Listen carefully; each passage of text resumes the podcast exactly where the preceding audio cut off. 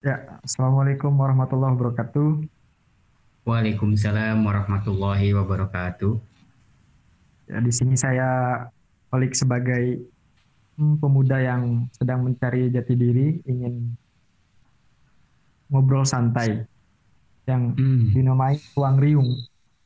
Ruang Riung sendiri berasal dari bahasa Sunda gitu ya, Sunda Indo, ruang yang berarti tempat, wadah, riung atau perkumpulan semacam itu. Jadi ruang riung ini sendiri semacam wadah obrolan santai untuk apa ya mengkritisi persoalan atau kehidupan workshop kehidupan dan apa pun itu. Yang penting ngobrol santai. Eh, episode pertama perdana ini sangat dadakan. Langsung dengan apa ya, teman-teman lama saya yang dulu selalu bareng di masa SMA yang sekarang sedang menjabat sebagai ketua umum himpunan mahasiswa biologi di salah satu universitas di Bandung yaitu UIN Bandung. Obrolan kali ini santai saja berawal dari perkenalan mungkin ya, perkenalan siapakah Rahmat Agung Munggaran ini, siapakah dia, berasal dari mana, dan bagaimana cerita hidupnya sampai bisa sekarang uh, menjabat sebagai ketua umum himpunan mahasiswa biologi di UIN Bandung. Ya, langsung saja Rahmat Agung Munggaran, perkenalkan. Oke, sebelumnya terima kasih banyak ini, aduh, telah memberikan kesempatan yang sangat luar biasa ya. Dimulai dari perkenalan ya, oke. Nama saya Rahmat Agung Munggaran. Tapi tiga kaku jadinya benar. Alah. santai, santai. Oke, nama saya Rahmat Agung Munggaran. Eh, saat ini sedang menjalani pendidikan S1 Biologi Murni di UN Sunan Giri Bandung. Fakultas Sains dan Teknologi. Ngobrolnya nanti santai ya, Met ya. Santai. Oke, oke, siap, siap, Bisa santai. berba- berbahasa Sunda, berbahasa Indonesia atau bahasa alien ya nggak apa-apa. Bodor ya nggak apa-apa. Ini obrolan santai. Aslinya gara-gara saya mungkin ya tadi membukanya menggunakan bahasa Indonesia menjadi kaku. gitu. Padahal Waduh. sebelum ini, sebelum ini tadi santai sekali. hmm. Ah. Langsung langsung saja. Adakah atau ayakah keresahan Eh, yang selama ini ingin dicurahkan atau selama beberapa minggu ke belakang adakah in- ingin yang disampaikan dari Rahmat sendiri? Oke, keresahan ya. Mm. Hmm. Bisa, bisa KKN, bisa tentang perkuliahan, percintaan mungkin atau kehidupan atau sekarang yang lagi naik daunnya yaitu perkovidan. Oke, mungkin apa ya? Bahas langsung hal yang itu tah. Eh, orang bahas permasalahan COVID atau apa ini? Soalnya Nah, ya. eh, Menarik, cukup menarik. bingung juga ini. Ya emang bisa dikatakan cukup menarik kan ya eh, permasalahan yang sekarang ini. eh. Nah, COVID kan. Karena iya COVID, eh, karena sekarang kan eh, masuk lagi kan sekarang kemarin bulan sekarang bulan, kemarin-kemarin kan sampai akhir bulan Mei itu turun kasus sangat rendah-rendahnya gitu, tapi hanya menjelang berapa hari minggu itu langsung naik kan. Boleh itu ngobrol itu cukup menarik juga sih kan ya apalagi mulai hari ini gitu kan tanggal 3 itu udah diberlakukan PPKM darurat. Oh. Atau apa nih? Keresahan kalau berbicara keresahan kayaknya segala aspek ada gitu. Cuma ya bingung ini nyeritainnya dari mana ya? Ya sebelum COVID nih ya, sebelum saat saat acan COVID. Eh, Yo, menurut Rahmat sendiri atau Mamet sendiri yang yang biasa saya panggil Mamet panggilan akrabnya. Menurut Mamet sendiri yang kemarin viral tentang apa? Sebelum ke COVID ya. Ini menarik juga saya Hmm. sekelibat ingat tentang Mm-mm. eh, yang kemarin viral tuh BEM UI. Nah, itu se- yang Oh, mengkritik pemerintah. Itu kayaknya lebih lebih seksi itu deh. Eh, Wah, selaku iya, iya. Rahmat kan perwakilan perwakilan ketua mahasiswa ini apa jurusan biologi di Bandung itu menanggapi itu gimana? Covid kan wah udah banyak spekulasi, tapi menarik yang ini sebelum nanti ke Covid ini dulu eh, tentang apa ya kebebasan berpendapat. Siap siap, wah, iya cukup menarik asli, uh, menarik, benar-benar menarik karena ya apa ya uh, setingkat UI gitu ya. Langsung kan uh, dari uh, ceritanya gitu viral kan ke mana-mana uh, langsung di situ liputannya apa gitu. Dan apalagi ketika mendapat kabar gitu kan dipanggil sama rektornya kan ya. Hmm. memang menarik sekali. Cuma ya bingung juga nih uh, saya kurang kurang interest. Cuma ya apa kemarin kemarin-kemarin itu ketika dapat kabar viral gitu kan wah BMW viral nih gitu. Ada ini uh, cuitan tentang Presiden Jokowi gitu. The king of lip service gitu kan. Uh, langsung tuh uh, dan muncul juga ketika lagi scroll di YouTube gitu keluar kan uh, ada keluar cuitan dari BMUI uh, viral gitu kan heboh ya sempat juga dengar ceritanya. Uh, sempat uh, lihat di channelnya Bang Rocky Gerung gitu. Lihat ya ya cukup menarik kan dari sana bahasanya. Apalagi ya itu tadi ketika mendapat kabar eh, langsung dapat panggilan gitu kan. Dan setelahnya ber, hari beberapa hari kemudian itu kan ada juga kan eh, tanggapan dari Presiden Jokowi gitu kan. Mengenai cuitan itu kan Presiden Jokowi ya menanggapi di situ kan menyinggung perihal sopan santun dalam eh, berdemokrasi. Cukup menarik. Itu jadi sebuah pemantik gitu kan untuk uh, BEM-BEM lainnya gitu di seluruh universitas di Indonesia gitu kan. Uh, untuk menyuarakan aksi-aksinya gitu kan ya. Dan setelah itu juga kan uh, banyak gitu kan uh, apa ya dari BMU itu. Berhubung saya juga pas setelah ngelihat itu tuh uh, saya coba langsung lihat di IG-nya gitu.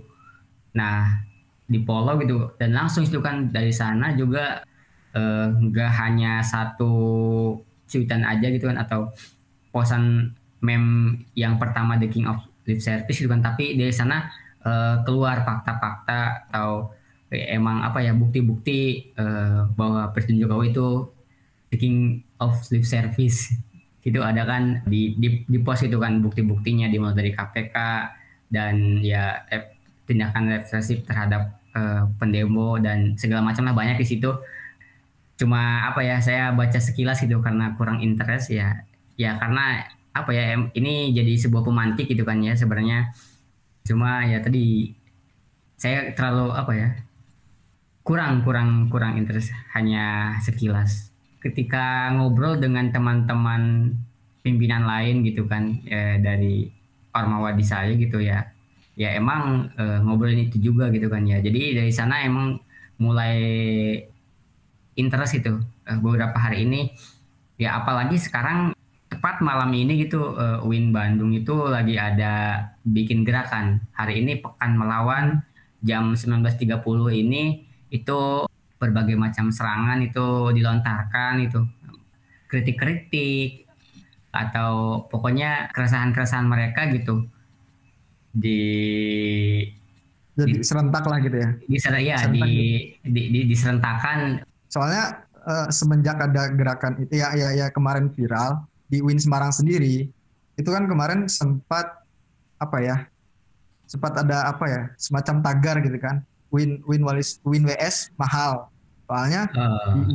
Hmm, mahal itu karena beberapa mahasiswa itu hanya berspekulasi apa ya asumsi sendiri gitu tanpa tanpa adanya bukti mahal itu apa sih? Kan padahal ya menurut saya sendiri gitu di, di mahasiswa arsitektur Win Wali Songo Semarang itu menurut saya nggak mahal. Soalnya dana dana itu tuh sudah di eh, apa ya, sama rata jadi di Win Wali Songo sendiri tuh misalkan jurusan saya nih ilmu seni arsitektur Islam. Nah di sana itu uh, eh, UKT rata-rata misalkan 3 juta gitu ya. Nah 3 juta itu itu tuh minim rata-rata. Kalau dipukul rata 3 juta. Cuma kita melihat latar belakang orang tua masing-masing mahasiswanya. Misalkan uh, saya gitu mahasiswa A gitu. Mahasiswa A ini uh, orang tuanya mampu lah gitu. Orang tuanya mampu uh, untuk membayar sekian juta gitu misalkan kemampuannya lebih lah gitu. Nah, terus yang yang satunya ini tidak mampu tapi keterima. Nah jadi yang mampu ini menutupi yang mampu tadi. Eh yang tidak mampu itu ditutupi oleh yang mampu. Jadi yang mampu ini dilebihkan. Jadi ya, rata-ratanya 3 juta jadi dilebihkan misalkan 5 juta. Nah 2 juta ini untuk menutupi uh, apa ya untuk menutupi kekurangan apa ya kan misalkan yang yang tidak mampu ini cuma misalkan bisa membayar cuma satu juta. Nah jadi yang dua juta ini buat dia jadi saling bantu. Nah istilahnya itu. Jadi ya yang, yang saya pahami itu itu. Tapi kurangnya apa ya pemahaman ma mahasiswanya jadi membuat tagar itu tuh tanpa apa ya tanpa adanya dasar landasan gitu. Nah jadi mereka hanya apa ya hanya berspekulasi sendiri aja gitu. Kurangnya kesadaran mahasiswa kepercayaan mahasiswa atau mungkin salah satunya curiga atau gimana nggak tahu sih. Nah itu ya yang yang saya bingungkan tuh itu mahasiswa UIN Wali Songo tuh maksudnya dia hanya berspekulasi tanpa adanya bukti atau ada tanpa adanya dia uh, apa ya pengen ke inilah gitu institusi ya misalnya ke Win-nya gitu ke Win uh, ini uh, transparansinya seperti apa sih? Padahal ada kalau ya emang emang ya mau ada ada transparansi dana da, da, dananya ini ke mana gitu. Nah itu ya yang saya bingung tuh itu. Jadi uh, saya sendiri ya itu bisa salah bisa benar. Jadi si mahasiswa Win ini Win Wali Songo ya khususnya dia jadi semacam apa ya? Buzzer gitu. Hmm. nah, di, di Win Bandung sendiri gimana? Semenjak adanya viral yang kemarin tuh viral yang BEM UI adakah ya selain tadi gerakan tadi yang serentak? Kalau apa ya? Ya kok itu imbasnya gitu kan ya hari ini ya UIN Bandung juga melakukan gerakan serupa gitu. Cuma ya kan kalau tadi di Wali Songo lebih ke itu ya perihal UKT gitu atau keuangan dari mahasiswa di UIN Wali Songo. Nah kalau ini mah ya gerakan hampir serupa gitu gerakan serupa ya ini eh, mengkritik Presiden Jokowi gitu. Ya perihal dari kepemimpinannya, perihal ya dari kebijakan-kebijakannya gitu. Jadi ya kesan-kesan dari hasil kebijakan dari Presiden Jokowi gitu. Eh, gerakan-gerakannya gitu. Itu. Jadi gerakan yang dilakukan dari Win Bandung apa? Dia UKT nggak nggak ini ya nggak terlalu seksi di sana ya? Kayak permasalahan UKT itu nggak nggak terlalu parah. Sebenarnya kalau perihal UKT itu dari dulu gitu kan, e, dari dulu ketika masa COVID gitu ya, UKT jadi hal jadi sorotan gitu kan dan beberapa ormawa gitu e, menyoroti ini gitu kan sampai ya sempat berembuk gitu kan kumpul diskusi yang mengenai permasalahan ini gitu UKT dan ya, ya itu kita e, malahan sebelum sekarang kan e, itu ya ada pengurangan 10%. Nah, sebelum kebijakan hmm. itu ya sebelumnya kita udah ini udah melakukan tuntutan gitu untuk uh, diturunkan minimal gitu kan ya 50% gitu kan kita kita menuntutnya mah cuma ya kemarin diamini oleh uh, pihak uh, birokrasinya cuma 10% gitu kan. Kalau perihal UKT dulu gitu dari dulu gitu. Cuma kan ya untuk gerakan sekarang ini lebih ke cenderung ke arah sana gitu. Yang hmm. sekelas di sana mengkritik bukan dari dari mahasiswa ke kampus berarti bukan ya? Bukan bukan permasalahan internal berarti? Uh, kondisi gitu kondisi ah, ke internal terhadap? ke internal juga uh, mengkritik. Terutama ya apa ya tadi UKT gitu di awal gitu kan. Ya cuma mungkin sekarang gitu kan hmm. ya sebenarnya hari ini karena mungkin ada kebijakan baru lagi itu uh, keringanan UKT gitu pengajuan keringanan UKT gitu. Ya itu di yang 10 persen kalau 10 persen kan itu uh, menjadi apa ya seluruh gitu berlaku untuk semua masa, ma mahasiswa nah ada peng, ada pengurangan UKT ada yang dicicil dua kali pembayaran ada yang dapat hmm. 10 potongan jadi dengan dengan hak keseluruhan itu dapat potongan 20 persen untuk pengajuan dan uh, bisa 100 persen ketika memang benar-benar terdampak uh, COVID ada surat oh, iya, ada buktinya ada buktinya atau, uh uh, ada keluarga yang terkena dampaknya, nah ada keluarga yang meninggal atau hmm. emang benar-benar terdampak gitu, itu menjadi 100%. Kayak gitu. Mungkin dengan kebijakan sana uh, mahasiswa ini mungkin ya uh, masih perspektif saya gitu. Dirasa cukup mungkin gitu. Jadi gitu. Jadi sampai saat ini belum ada itu gerakan-gerakan lagi perihal UKT gitu. Nah kalau boleh nanya ulang lagi kan nih? Boleh boleh boleh. Bebas. Nah kalau itu tadi perihal gerakan itu apa hashtag uh, win WS tagar. mahal nah tagar itu itu lahir dari dari dema tingkatan apa ya ormawa iya, iya, dari sama pimpinan gitu ya, tingkat ya. tingkat universitas sih atau itu lahir dari dari mana gitu tuh? Itu itu penggagasnya siapa itu kira-kira?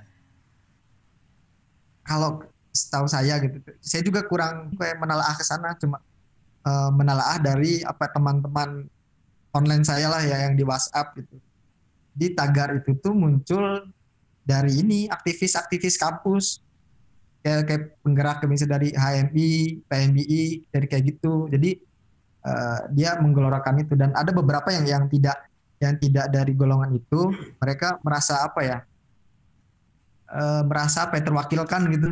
Jadi UKT UKT dia kok misalkan ya UKT dia misalkan 4 juta misalkan gitu terus teman saya 5 juta eh 5 juta 500 misalkan gitu terus yang kampus lain misalkan di sekitaran Semarang atau Win lain. Nah di Win lain itu misalnya di Jogja di, di Jogja itu cuma sejuta. Nah jadi perbandingannya tuh bukan bukan apa ya tidak didasari dengan landasan itu. Jadi belum belum adanya apa ya mungkin dari kampusnya belum terbuka ke seluruh mahasiswa. Baru ke beberapa orang aja ya yang sering ngobrol dengan apa ya petinggi-petinggi jurusan atau fakultas atau universitas gitu. Soalnya saya pernah diomongin gini sama sama apa ya sama wakil rektor langsung wakil rektor satu gitu. Saya kan ngomong langsung ke beliau meet kayak gini juga online. Saya bilang gini pak kok kok UKT di ini di jurusan saya itu kok mahal paling mahal gitu di fakultas gitu. Terus dia inilah menjabarkan uh, eh, UKT kamu segitu itu itu tuh karena kamu sedang pembangunan. Jadi uh, ISAI jurusan itu sedang membangun studio peralatan gambar, peralatan uh, laptop gitu, eh bukan laptop apa? Uh, PC, PC-nya kan mahal untuk untuk grafis gitu kan. Terus segala macamnya lah gitu. Dan alhamdulillah sekarang tuh uh, baru berapa ya? Dua dua setengah tahun berdirinya jurusan saya kan baru nih. Nah itu udah udah udah udah terbangun nggak nunggu lulusan dulu baru ada bangunan itu. Jadi sekarang tuh udah ada studio, galeri, ruang gambar, uh, laptop, apa PC grafis dan sebagainya itu fasilitas sudah ada, sudah dicukupkan gitu. Nah itu terjawab, terjawab. Maksudnya dan, dan saya merasa oh iya ya adil ya gitu dan dan ada apa ya penjelasan bahwa ada ternyata ada rata-rata UKT gitu rata-rata UKT di jurusan gitu misalkan jurusan apa jurusan apa itu ada rata-ratanya setiap jurusan jadi sekarang tuh uh, udah sistem katanya. Jadi bukan pihak kampus yang ini yang yang memastikan kamu sekian kamu sekian. Jadi pihak kampus tuh hanya memasukkan ini data-data gitu. Jadi otomatis gitu. Misalkan kita ngisi gitu. Nah saya kan karena ngisinya jujur dan rata-rata rata-rata yang saya tahu teman-teman saya itu yang UKT-nya di bawah saya padahal dia mampu. Nah itu tuh memanipulasi apa ya memanipulasi waktu pendaftaran itu jadi maba. Jadi dimanipulasi si data penghasilan tuh misalkan gaji aslinya tuh misalkan 10 juta gitu terus minta ke hmm. RT atau ke pihak kelurahannya sih hanya 4 juta setengah. Jadi dia membohongi itu memanipulasi itu. Jadi kalau ia mau mau diruntut bisa. Ya, cuma kan males aja gitu sekarang udah semester berapa terus permasalahan gitu. Karena kan maba-maba kan nggak tahu kan. Apalagi maba-maba yang emang anak pertama yang belum ada misalkan dari orang pelosok kan nggak tahu. Tahunya kita jujur kan ngisi ngisi berapa sejujur-jujurnya kan jadi uh, banyak yang apa ya banyak yang ada omongan mungkin ada keluarganya yang atau apa pun yang dulunya pernah S1 gitu uh, ngisi kayak gitu jadi dikasih tahu jangan jujur-jujur banget mungkin gitu di hmm. katanya tuh hmm, tapi nggak tahu ya yang yang apa ya yang demo itu keresahan apa mesti perbandingannya dengan dengan kampus mana gitu cuma kalau kalau saya sendiri tuh seimbang memang seimbang soal win win Semarang yang sekarang dibanding win Semarang yang awal covid itu jauh berbeda asli. Soalnya kan saya ke kampus ya kemarin sebelum lebaran eh, setelah lebaran. Nah itu kan uh, offline offline berapa bulan? Sebulan setengah gitu kan dua bulan lah total. Jadi perbedaannya itu sangat sangat apa ya sangat mencolok gitu dari apa infrastruktur ininya bangunan-bangunan uh, di UIN-nya itu udah udah direhab itu eh, apa kayak ini wifi yang dulunya satu lantai satu wifi sekarang satu kelas satu wifi. Itu bisa diakses setiap kelas tuh jadi sinyalnya nggak terganggu lagi sekarang. Nah itu yang saya yang saya rasakan itu. Jadi ya itu me memang bisa dinikmatinya ketika di kampus. AC sekarang dua setiap gedung yang yang gedung baru gitu gedung baru di di fakultas saya lah khususnya. Tapi saya belum tahu fakultas-fakultas lain seperti apa. Yang tadinya satu atau nggak ada sekarang ada gitu itu yang yang saya tahu itu. Itu yang yang saya heran dari mahasiswa UIN tuh dia tuh berspekulasi itu ada dasarnya enggak gitu.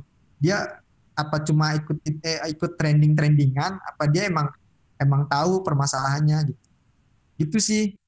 Ya kalau gerakan itu paling dari aktivis sih biasanya. Gitu Matt. Hmm. yang yang menarik gini soalnya gini.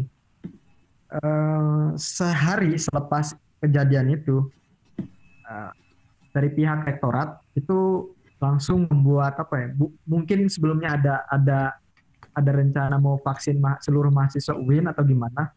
Tapi setelah sehari itu tagar itu naik viral di, di kalangan mahasiswa UIN dan di Semarang.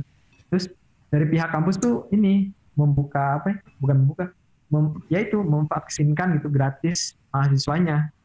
Tinggal langsung daftar gitu. Dari tanggal 4 sampai 9 apa ya lupa saya. Nah itu ya yang saya ketahui baru kayaknya baru mahasiswa UIN deh yang yang divaksin gratis oleh kampusnya. Apa ada gitu yang lain selain kampus UIN? Hmm, kalau di saya mah itu baru dosennya sampai tahap 2 kemarin tuh divaksin tuh. Hmm. Sampai tahap 2 divaksin udah untuk mahasiswa mah belum ada kabar itu. Nah, itu tuh. juga ada ini sih saya melihat gini ada dua ada dua perspektifnya uh, yang pertama si pihak kampus sadar bahwa didengar gitu suaranya mahasiswa hmm. itu bagusnya itu didengar kedua emang itu terobosan mungkin ya terobosan bagi contoh apa ya kampus-kampus lain untuk memvaksin mahasiswanya gitu secara free gratis itu teh uh, yang kebetulan waktu itu ada di Semarang atau yang di luar itu disuruh ke kampus divaksin? Bebas. Jadi boleh yang di Semarang, boleh yang di luar Semarang. Yang penting pengen pengen vaksin gitu. Oh, yang Tau pengen saya... vaksin, yang pengen vaksin yang ada di uh, ada di mana pun mahasiswa UIN Wali Songo yang pengen divaksin uh, bisa datang ke kampus. Daftar dulu, daftar dulu ada kursi. Oh, daftar. Setiap hmm. kan ada gelombangnya. Setiap hmm. setiap gelombang setiap jam kan ada rentang waktunya dari jam berapa sampai jam berapa itu per gelombangnya. Sebut saja gelombangnya per gelombangnya itu 250 mahasiswa. Total tuh ada berapa ya? Lima kayaknya lima lima gelombang kalau nggak salah. Itu teh di itu ya di di Twitter atau di IG itu tuh yang viral. Uh. yang viral tuh ini poster poster kayak oh, ini poster. hashtag tagarnya Gejayan memanggil terus reformasi di korupsi kayak gitu tau kan sempat oh. uh, back, backgroundnya hitam terus ada hashtag nah itu hmm. sama kayak reformasi di korupsi kayak gitu tagarnya sih tagar itu cuma saya cuma saya tidak tidak apa ya tidak tidak ingin mengikuti arus itu gitu jadi karena mungkin karena saya tahu penjelasannya langsung dari pihak pihak apa pihak kampus seperti apa eh, transparasinya jadi saya tidak tidak merasa apa ya merasa dirugikan. Ya walaupun uh, eh, UKT saya apa ya paling tinggi gitulah ibarat kelas kelas pertama gitu. Ya karena saya terlalu jujur gitu. Terlalu jujur ngisinya jadi katanya besar gitu ya paling besar gitu. Itu sih. Hmm. tapi saya juga pengen nanya balik ya ke ke Mamet. Di di yeah. di Win, Win Bandung sendiri itu kan pembangunan pembangunan kan lagi lagi marak ya pastilah. Nah itu selama COVID ada perubahan nggak? Kan dari UIN kan tadi uh, pembangunan lagi naik-naiknya lah gitu. uh, dari segi infrastruktur gitu ya kalau dibandingin ketika sebelum masa pandemi gitu ya terkhusus gitu ya di ini di di kampus satu itu ya ini menyesuaikan mungkin ya dengan uh, protokol kesehatan ya ada banyak uh, beberapa perubahan gitu ya dimulai ya yang tadinya nggak ada itu wastafel gitu dan apa ya tempat itu ya mulai ada di setiap itu tuh. Terus ada hand sanitizer kayak gitu sih ya. Ya itu kan emang sekarang lagi marak-maraknya itu kan jadi antisipasi uh, prokes itu kan ya. Mungkin itu hmm. jadi sebuah hmm. apa ya sebuah keharusan di satu lembaga atau gedung ya. Jadi ya itu mungkin perubahan yang sangat nyata. Ya karena mungkin ya sekarang uh, sekarang masanya atau zamannya lagi lagi gini kan gitu. Jadi kayak gitu. Terus ya kalau berbicara pembangunan dari nah, dari rehab mungkin ada ada bangunan kalau rehab, ber, berbicara pembangunan ya ada juga gitu ya sebelum pembangunan di kampus 2 itu terutama. Mungkin ya itu karena targetnya gitu ya. Ya, ya saya lihat gitu yang saya lihat kemarin gitu ketika main ke kampus 2 di sana ya banyak perubahannya di rencana di awal gitu ya. Ada uh, masjid uh, kampus 2 yang di depannya ada kolam ikan, kolam cinta kalau bahasa disebutnya itu. Oh, iya, Terus di iya. situ juga ada ini uh, terapi ikan kayak gitu, ada terapi ikan.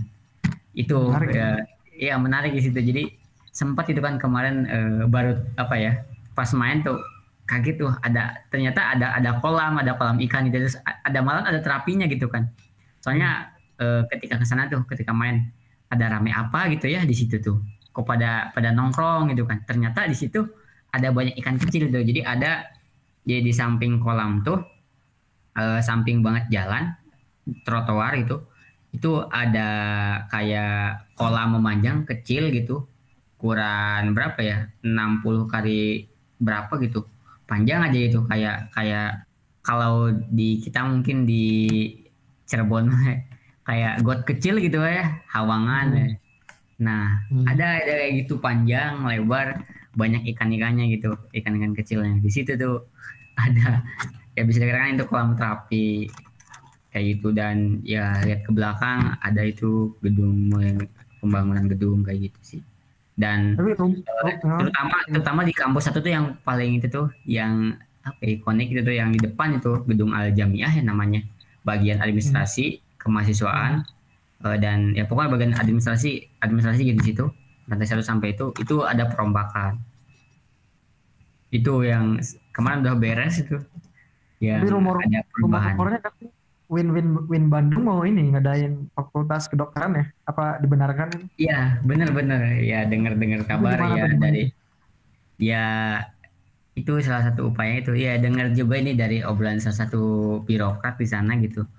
Ya sang katanya ini katanya uh, udah mulai ngumpulin gitu kan uh, tenaga pendidikan dari dokter gitu dokter. Uh, terutama psikologi itu itu sih yang sempat didengar itu. Cuma kebenarannya yaitu yang yang didengar yang terdengar. Yang menarik soalnya perkampusan ya. Banyak hmm. sih aslinya. Kepala saya ingin ditanyakan cuma bingung yang mana dulu gitu. Sekilas balik dari masing-masing saya atau Mamet kilas balik bisa menjadi saya sekarang itu gimana? Contoh lah saya saya dulu gitu. Nah kilas balik saya eh, sekarang tuh di di apa di jurusan apa ya ilmu seni dan arsitektur Islam ini kan saya tersadar waktu kecil itu saya sering uh, senang jalan-jalan. Hmm. Kota gitu melihat melihat gedung-gedung lah gitu melihat gedung-gedung terus tertarik dengan gedung-gedung itu. Ada yang ada yang tertarik mungkin saya belum belum belum tahu belum tahu itu gedung apa atau gedung apa. Jadi saya tertarik jadi melihatnya tidak seperti anak kecil biasa gitu. Itu lebih hmm. lebih lebih apa ya, lebih tertarik dengan gedung dibanding dengan apa mainan gitu. Dulu tuh saya merasa seperti itu. Ya biasalah benturan-benturan ya, itu kan pas SD tuh kisaran berapa? Kelas 4 5 SD lah gitu. Terus kelas MTS MTS sempat berkeinginan menjadi apa? Jadi kiai atau ustadz gitu karena mondok gitu pondok pesantren. Ternyata tidak tidak di sana malah malah sekarang tidak tertarik sekali gitu, untuk untuk menjadi apa ya pemuka agama lagi atau penerus apa gitu ngajar-ngajar pihak agama. Hmm. Man man tuh uh, sekarang kan sama Mamet. Nah jadi semenjak man itu di kelas 2 itu pertengahan kelas 2 SMA itu tertarik dengan itu dengan TKSA teater alif. Kan kilas baiknya seperti itu. Uh, saya tuh tertarik dengan apa? Kesenian gitu. Karena mungkin karena awalnya nggak sengaja karena apa teman ngobrol teman sebangku saya kan Mas Najmi ya Mas Najmi dan Aom gitu kan. Teman nongkrong saya teman nong parkir gitu. Terus ketika salah satu apa ada yang apa ya, ada yang keluar gitu uh, saya kan menggantikan itu Asep untuk jadi apa personel hadro gitu. rekrutan gitu. Awalnya rekrutan uh, hanya menggantikan. Terus lama kelamaan kok saya merasa senang gitu karena apa ya karena enak gitu di sana circle atau obrolannya menarik dan saya suka untuk apa di di sana gitu. Habis itu lanjut lanjut lanjut dan tidak disangka saya melanjutkan apa S1 saya itu di dia berbau seni lah seni ibarat arsitektur. Ternyata ada ada ada bakat saya ke sana. Ya walaupun awalnya ya dari lima pendaftaran saya empat gagal gitu di, di, di pendaftaran kuliah putus asa hampir putus asa yang terakhir alhamdulillah lolos gitu di di arsitektur ini kan kayak semacam apa ya? Takdir takdir yang tidak bisa apa ya? Yang tidak bisa yang namanya rezeki itu ya tidak bisa di mana ya? Ganggu gugat mungkin rezeki semacam itu. Jadi hmm. saya juga untuk mencapai titik sekarang tidak tidak nyangka bisa bisa berkuliah di seni arsitektur gitu. Bertemu orang-orang seniman arsitek gitu untuk untuk bisa mempelajari ilmuwan di sana gitu. Itu kan dari desa kan seperti itu tidak tidak apa ya ibaratkan tidak ekspektasi saya tidak tidak sampai ke sana. Cita-cita saya malah mungkin cita-cita saya nggak ada mungkin nggak jelas gitu. Dari masa ke masa tidak tidak A ya A gitu. Jadi jelas baliknya seperti itulah uh, ketidaksengajaan yang yang membuat saya nyaman gitu. Dan ternyata itu emang emang apa, airnya saya ibaratnya saya ikan itu airnya saya itu kolamnya itu di situ gitu. saya tertarik di sana dan saya merasa nyaman walaupun sulit nah itu kan kilas balik saya untuk kuliah gitu. Nah dari Mama sendiri gimana? Oke, kilas balik ya. Kilas balik kenapa ngambil jurusan biologi? Wah, hmm. eh menarik nih. Hmm. Uh, gimana tuh? Dulu kenapa uh, bisa masuk jurusan biologi? Uh, mungkin kalau apa ya dari kecil gitu, pas SD gitu, suka banget hmm. sama pelajaran IPA suka banget itu apalagi tentang tumbuhan itu itu mungkin latar ah, latar belakang uh, awal gitu mungkin awal pembentukan uh, sampai sekarang bisa masuk jalan biologi itu mungkin awalnya itu jadi ya apa ya dari dari dulu karena keluarga petani gitu sering kan ikut nanam-nanam gitu ikut panen apa gitu tuh. Uh, eh, buah berbuah gitu kan uh, suka aja gitu kan e, ketika nanam sendiri nanam apa gitu. Misalkan nanam semangka gitu pernah dulu tuh pernah e, waktu pas kecil tuh e, ikut nenek nanam semangka gitu. Senang aja gitu kan ketika udah beberapa bulan ngasilin ada semangkanya gitu. Walaupun itu iseng-isengan gitu kan ada habis jajan jajan semangka jajan semangka bijinya eh, dibuang di sawah gitu kan. Sengaja dikubur di ini di dibuang terus dikubur di, di, di, di tanah atau dikubur. Ya terus pas e, minggu depannya lagi lihat itu ngelihat tuh eh tumbuh jadi benihnya ada gitu eh. ada gitu. Ya di sana ya e, mulai itu dirawat sampai beberapa bulan ada buahnya dua gitu. Eh senang di sana gitu kan. Nah itu mungkin latar belakang itu.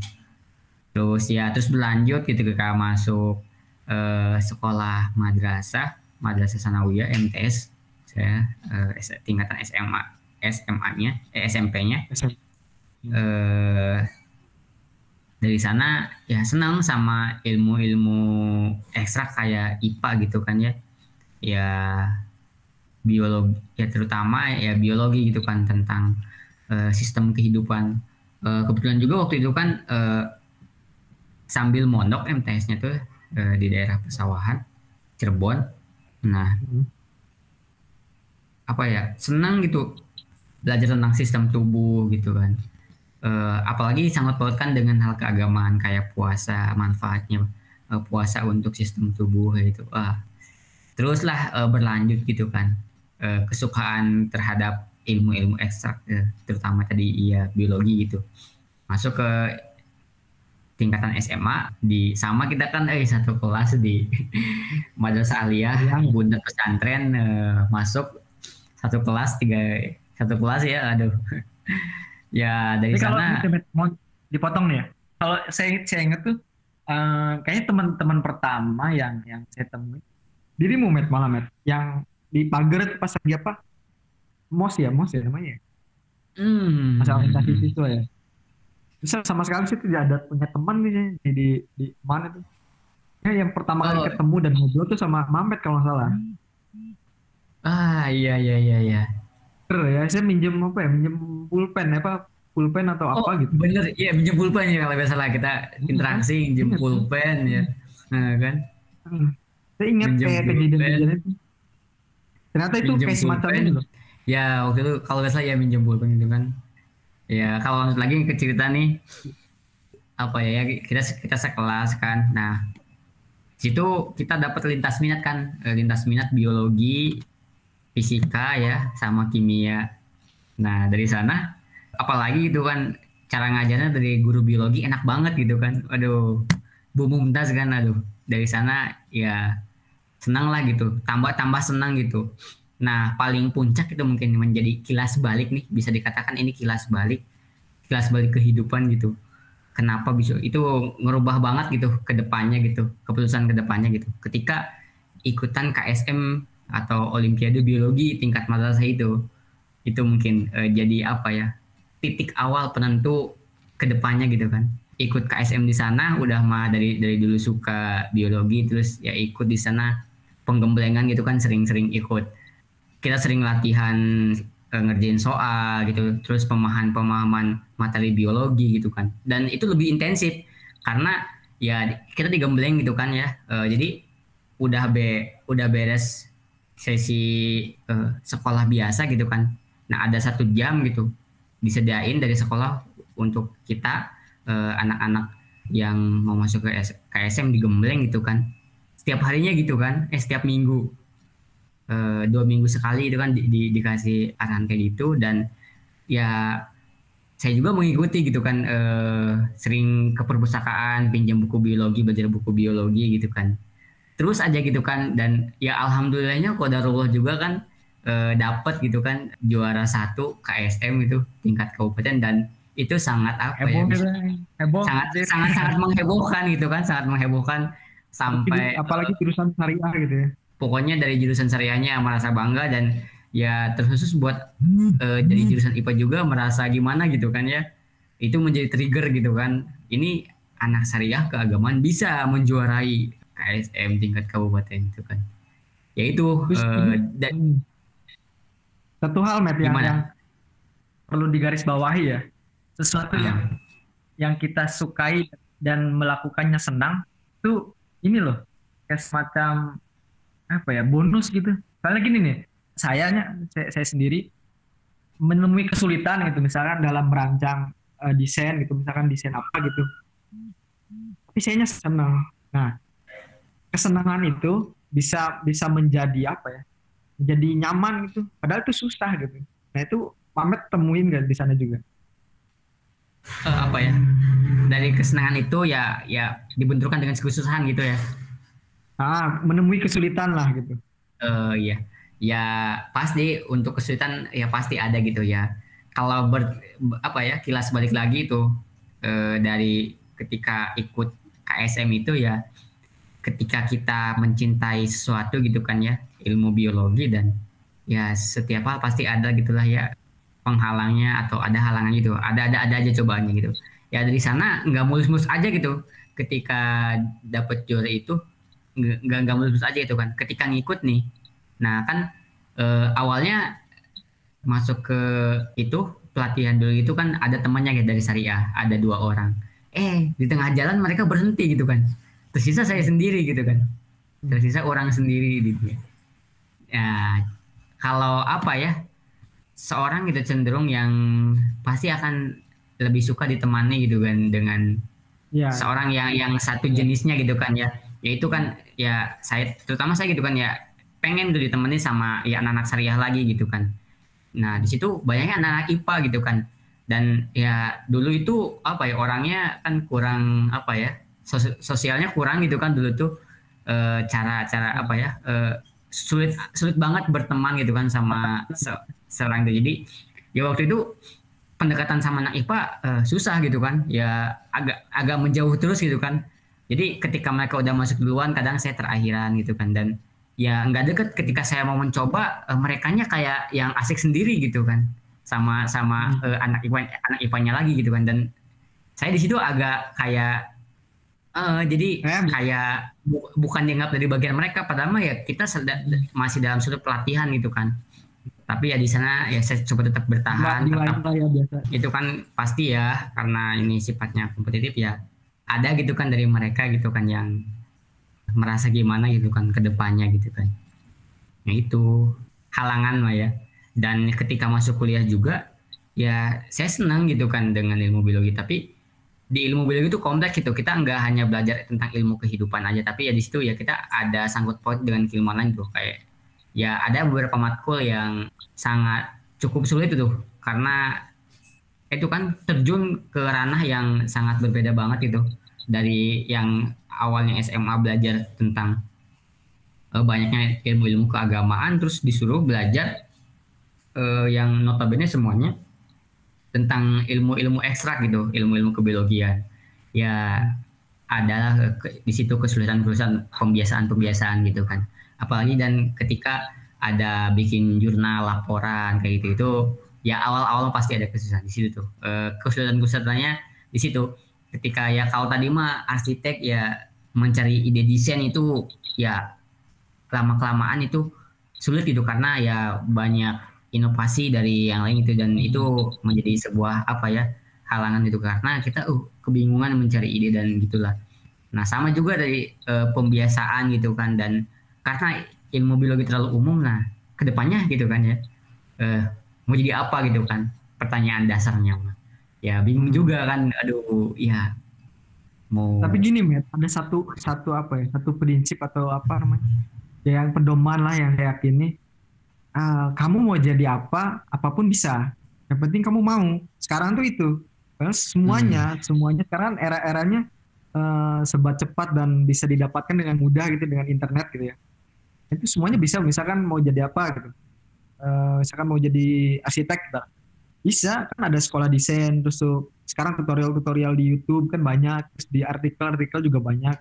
Terus misalkan mau jadi apa misalkan mau jadi jurnalis atau uh, sekarang kan banyak yang pengen jadi konten kreator gitu-gitu kan. Di pilihannya kan banyak.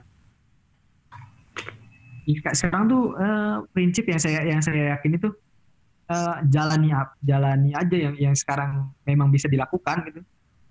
Kalau hmm. uh, mau jadi apa ya yaitu urusanmu ketika kamu fokusnya sekarang di mana yaitu nanti jadi apa jadi apanya pas nanti. Jadi melakukannya tuh sekarang gitu. kalau pedoman saya itu ya itu yang yang saya, saya pegang tuh itu. Jadi itu mah urusan nanti aja. Yang penting sekarang kamu mau jadi apa kamu kan identitas ya. Biasanya identitas eh, anak-anak di apa ya sekarang ininya trennya quarter life crisis lah gitu. Eh, masa-masa mencari jati diri gitu kan. Terus banyak banyak cobaan-cobaan kan pengen apa-apa dicobain gitu kan. Nah, jadi anak muda sekarang tuh gitu mencari jati diri menemukan apa yang ia apa ya yang ia suka gitu dan ia da dalami di sana gitu satu bidang dia geluti terus jadilah ahli di sana itu ya yang, yang saya pedomankan itu sih mau jadi apa ya udah gimana nanti yang sekarang saya lakukan nih fokus apa yang dilakukan dan merasa senang gitu kalaupun emang nggak senang ya udah cari lagi yang kesenangan yang memang itu kamu senang di sana gitu. Hmm. Itu menurut Pamet sendiri gimana? Tentang mau jadi apa? Gitu. Misalkan ditanya mau jadi apa gitu. Oke, okay. uh, eh, kalau kata Mas Holik mah gimana nanti ya? Kalau saya mah uh, dibalik nanti gimana gitu. Dari ah, sekarang ah, uh, saya mah harus dipikir itu. Saya tipe orang yang apa ya bisa dikatakan kaku gitu. Jadi nanti itu saya harus gimana gitu. Jadi uh, dipikirin gitu uh, di, di, di, ya. ya istilahnya uh, dirancang gitu uh, apa untuk men, untuk dapat tujuan ini tuh harus ngapain gitu kan. Jadi ada targetan-targetan jadi setiap setiap tahunnya itu idealisnya seperti itulah. Jadi untuk mau jadi apa ya itu menurut saya mah harus direncanakan gitu kan. Harus direncanakan gitu. Jadi perlu gitu uh, setiap beberapa waktu atau apa gitu kita uh, evaluasi diri gitu kan. Istilahnya ya muhasabah diri atau merenung berkontemplasi itulah bahasa Wih. orang anak senjanya mah. Jadi waduh, waduh. kita perlu gitu mengevaluasi gitu. Uh, kita tuh hidup tuh mau ngapain sih gitu kan? Pengen apa gitu? Ya kalau belajar dari ketika saya mencalonkan diri menjadi ketua umum itu kan apa sih mau yang dicapai di selama satu kepergian ke, uh, kepengurusan itu gitu kan? Dan ya sama juga dengan hidup apa sih yang mau dicapai gitu kan. Visi kita tuh hidup tuh apa gitu? Hmm. apa visi kita gitu sama hidup? iya. ya, polanya sama gitu. Kalau tujuan agamanya mungkin ya pragmatisnya gitu cak. Uh, bahasa bahasa kerennya mah pragmatisnya itu ya mungkin surga gitu kan ya. Hal-hal kenikmatan uh, dari Tuhan sang Maha Esa gitu. Berbicara apa ya jadi apa yang apa ya jadi nyerempet-nyerempet ke tujuan hidup ya. ini kan mau closing nih bentar lagi mau closing nih udah jam 24 empat lanjut lanjut lanjut. Ini tentang kehidupan mau mau berakhir biasanya. Gimana? Soalnya gini gue lagi nih saya yakin referensi yang ia baca yang ia tonton yang ia dengar itu membentuk karakter seseorang. Saya nyamannya di dunia kreativitas gitu kan. Jadi ada dunia eksakta yang yang pakem gitu. Ada yang dua dunia hmm. kreativitas. Jadi ketika kreativitas itu ketika eksakta itu jawabanmu benar di, uh, di muka umum itu menjadi jadi memang benar. Tapi ketika kreativitas dunia kreativitas ketika kamu jawabanmu sama dengan umum atau benar di umum ya itu kamu meniru soalnya saya sendiri tuh lebih nyaman di dunia kreativitas ya karena dari, saya kan berasal dari desain gitu arsitek yang notabene-nya apa ya ber imajinasi gitu kan. Jadi me menabrak pakem-pakem gitu jadi kan kalau Mamet kan dari sains ya bahkan hmm. orang-orang sains gitu kan yang pakem ada bukunya pedoman-pedomannya pakem-pakemnya sama dari turun temurun tinggal dikembangkan kan kalau kalau dari saya kan di dunia kuliah itu kan ketika apa pedomanmu itu sama kayak gitu berarti kamu meniru nah hmm. buat apa kalau meniru nah jadi kan gitu kan beda kan tapi semuanya benar itu tinggal tinggal kita bisa apa ya bisa memposisikan masing-masing dengan keadaan gitu. Uh, ini mau menanggapi aja tadi menarik ya ini jadi sebuah kultur gitu uh, mahasiswa yang belajar di daerah Jawa khususnya Jawa bagian timur gitu kan dan bagi uh, Jawa bagian barat gitu. Jadi uh, saya sedikit tertarik dengan istilah pakem gitu kan ya. Ada pakemnya gitu kan ya. Menarik gitu kan apa ya istilah ini tuh jadi apa ya ciri khas gitu ya dengan apa ya suatu aturan aturan dasar gimana itu dengan diistilahkan pakem ya itu menarik aja gitu eh, mendengar kata ini gitu kan karena kemarin sempat ikut webinar dengan salah satu pematerinya itu dari Jawa eh, dari Malang dan hmm. yang Rahmat tangkap apa? Pakem itu yang yang terbesit gitu. Ketika terbesit pakem itu mengarahnya ke mana? Aturan mengarahnya Atur. yang saya tangkap itu. Itu ya bahasa apa ya bahasa sederhananya itu. Atau ini kan Mas Holek ini kan apa ya punya akulturasi antara budaya Sunda dan Jawa gitu. Itu mungkin bisa lebih menerjemahkan ke Sundanya gimana tuh sih pakem itu di Sunda itu kayak gimana sih. Ini jadi ngobrol ke apa ini kita sedikit-sedikit ngobrol ke budaya eh. Kalau ma masalah pakem pakem di Sunda apa ya? soalnya kan saya sendiri kan Sunda yang bukan Sunda banget kan. Cirebon kan termasuk ya menurut orang Jawa lah ibaratkan yang yang saya orang saya yang berdekatan dengan Jawa. Orang Cirebon itu uh, mereka tuh menanggapi su, uh, Sunda orang Sunda. Tapi ketika orang Barat gitu Jawa Barat ke sananya orang Cirebon itu orang Jawa. Ya jadi ya saya sendiri tuh bingung untuk menafsirkan kata pakem hmm. mungkin kalau secara sederhananya pakem itu kayak semacam landasan dasar gitu ya yang hmm. yang apa yang diyakini dan divalidasi dari masa ke masa dari zaman ke zaman dan itu dirasa relevan gitu yang saklek gitu bahkan kaku hmm. gitu tapi itu benar gitu pakem jadi istilah pakem pakem ya mungkin ya tadi berbicara budaya gitu kan ya hmm. beda mungkin ada istilah lain cuma eh, saya nggak tahu gitu. Di sini apa gitu ya? Istilah pakem kan berasal dari kayak bahas ini loh. Uh, wayang pewayangan. Saya itu hmm. dapat istilah pakem tuh dari Sujo Tejo. Ketika dia katanya melanggar pakem-pakem di dunia perwayangan ketika lama yang yang jahat tuh ternyata baik gitu.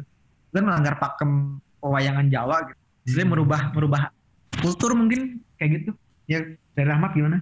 Itu mungkin sih uh, tadi uh, ketika mendengar kata pakem eh teringat aja gitu kan ke webinar sebelumnya dan ya menarik gitu. Jadi pengen gitu. Membahas apa? Mas pas, webinar itu membahas apa? Pakem itu membahas apa di sananya?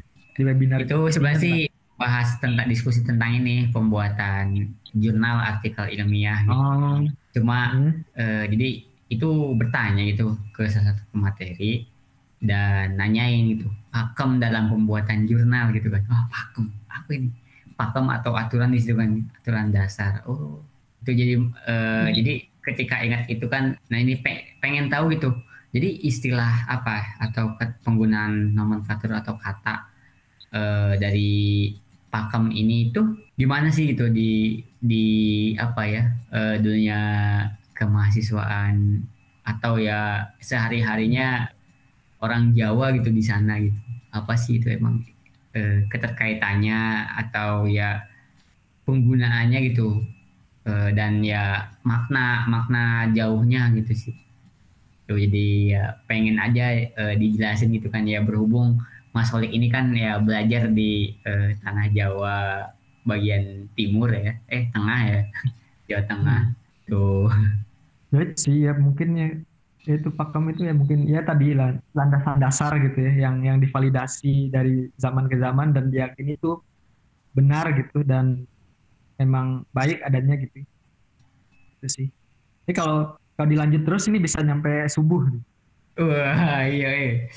Tuh banyak ini ya. bisa nanti bisa episode keberapa dua tiga mungkin bisa dilanjut di uh, apa ya obrolan-obrolan santai berikutnya iya yang bisa yang bisa saya tangkap tuh dari dari obrolan ini tuh jangan melihat jangan melihat apa sesuatu itu dari dari apa ya satu perspektif saja gitu.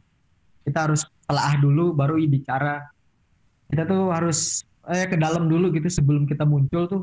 Ketika kita di permukaan nih kita tidak tidak tidak bisa apa ya tidak bisa menyangka di dalam tuh ada seperti apa di atas seperti apa. Jadi kita harus ada di keduanya biar biar kita tahu gitu yang di misalnya yang yang keadaan di dalam itu seperti apa ketika yang di atas itu seperti apa gitu. Melihat sesuatu itu lebih lebih luas lagi gitu. Tidak tidak mengira-ngira gitu.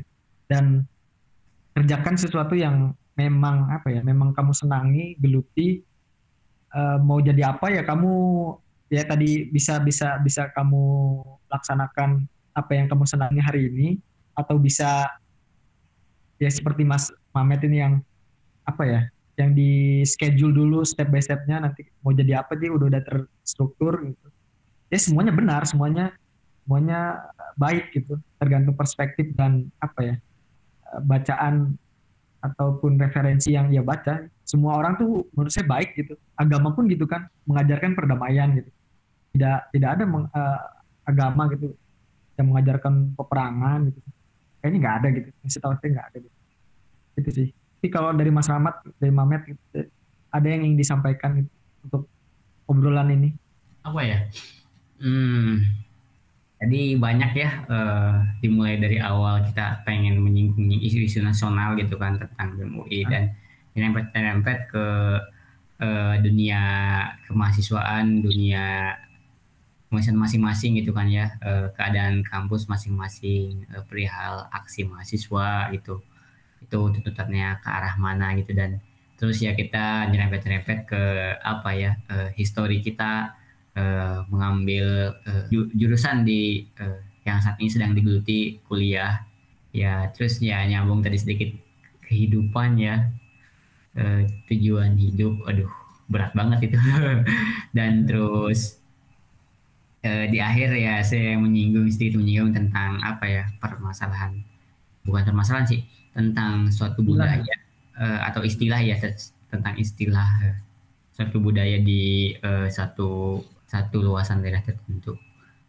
Ya apa ya dari obrolan ini jadi uh, sangat kompleks gitu ya. Yang dapat diambil mungkin uh, manfaatnya ya tadi. Ya mungkin sedikit menambah aja gitu apa yang tadi disimpulkan oleh Mas Holik gitu.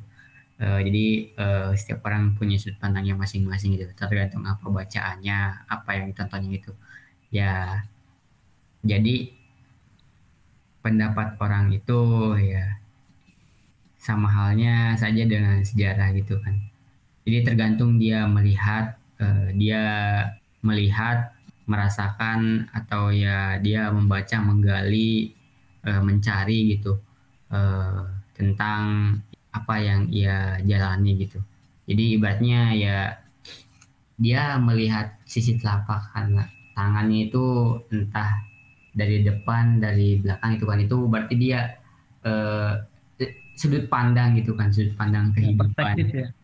uh, perspektif sudut pandang kehidupan orang itu beda-beda uh, gitu kan ya ya contohnya ya saya uh, punya sudut pandang tentang sains dan biologi karena ya saya banyaknya atau seringnya menggeluti ya daerah hal-hal sana gitu ya tentang eh, makhluk hidup, kehidupan, tumbuhan eh, dan ilmu ilmu-ilmu yang ngebahas itu.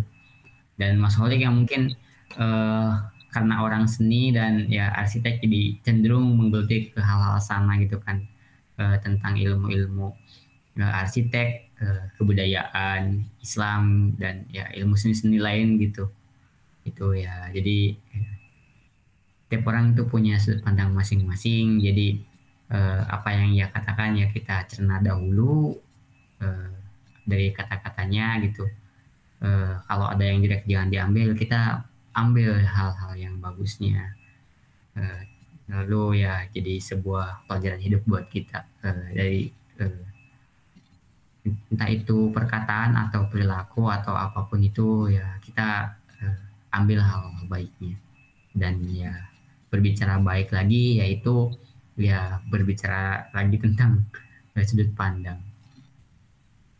Ya itu mungkin lah uh, kita obrolan ngacapluk uh, ngacapluk nih bahasa orang dalam uh, ngacapluk uh, orang-orang yang apa ya berusaha bermanfaat gitu. Ya semoga aja ada banyak man ada manfaatnya gitu walaupun tidak banyak gitu. Itu sih. Mengisi waktu hmm. luang. Dengan ngobrol-ngobrol santai ya semoga ada manfaat.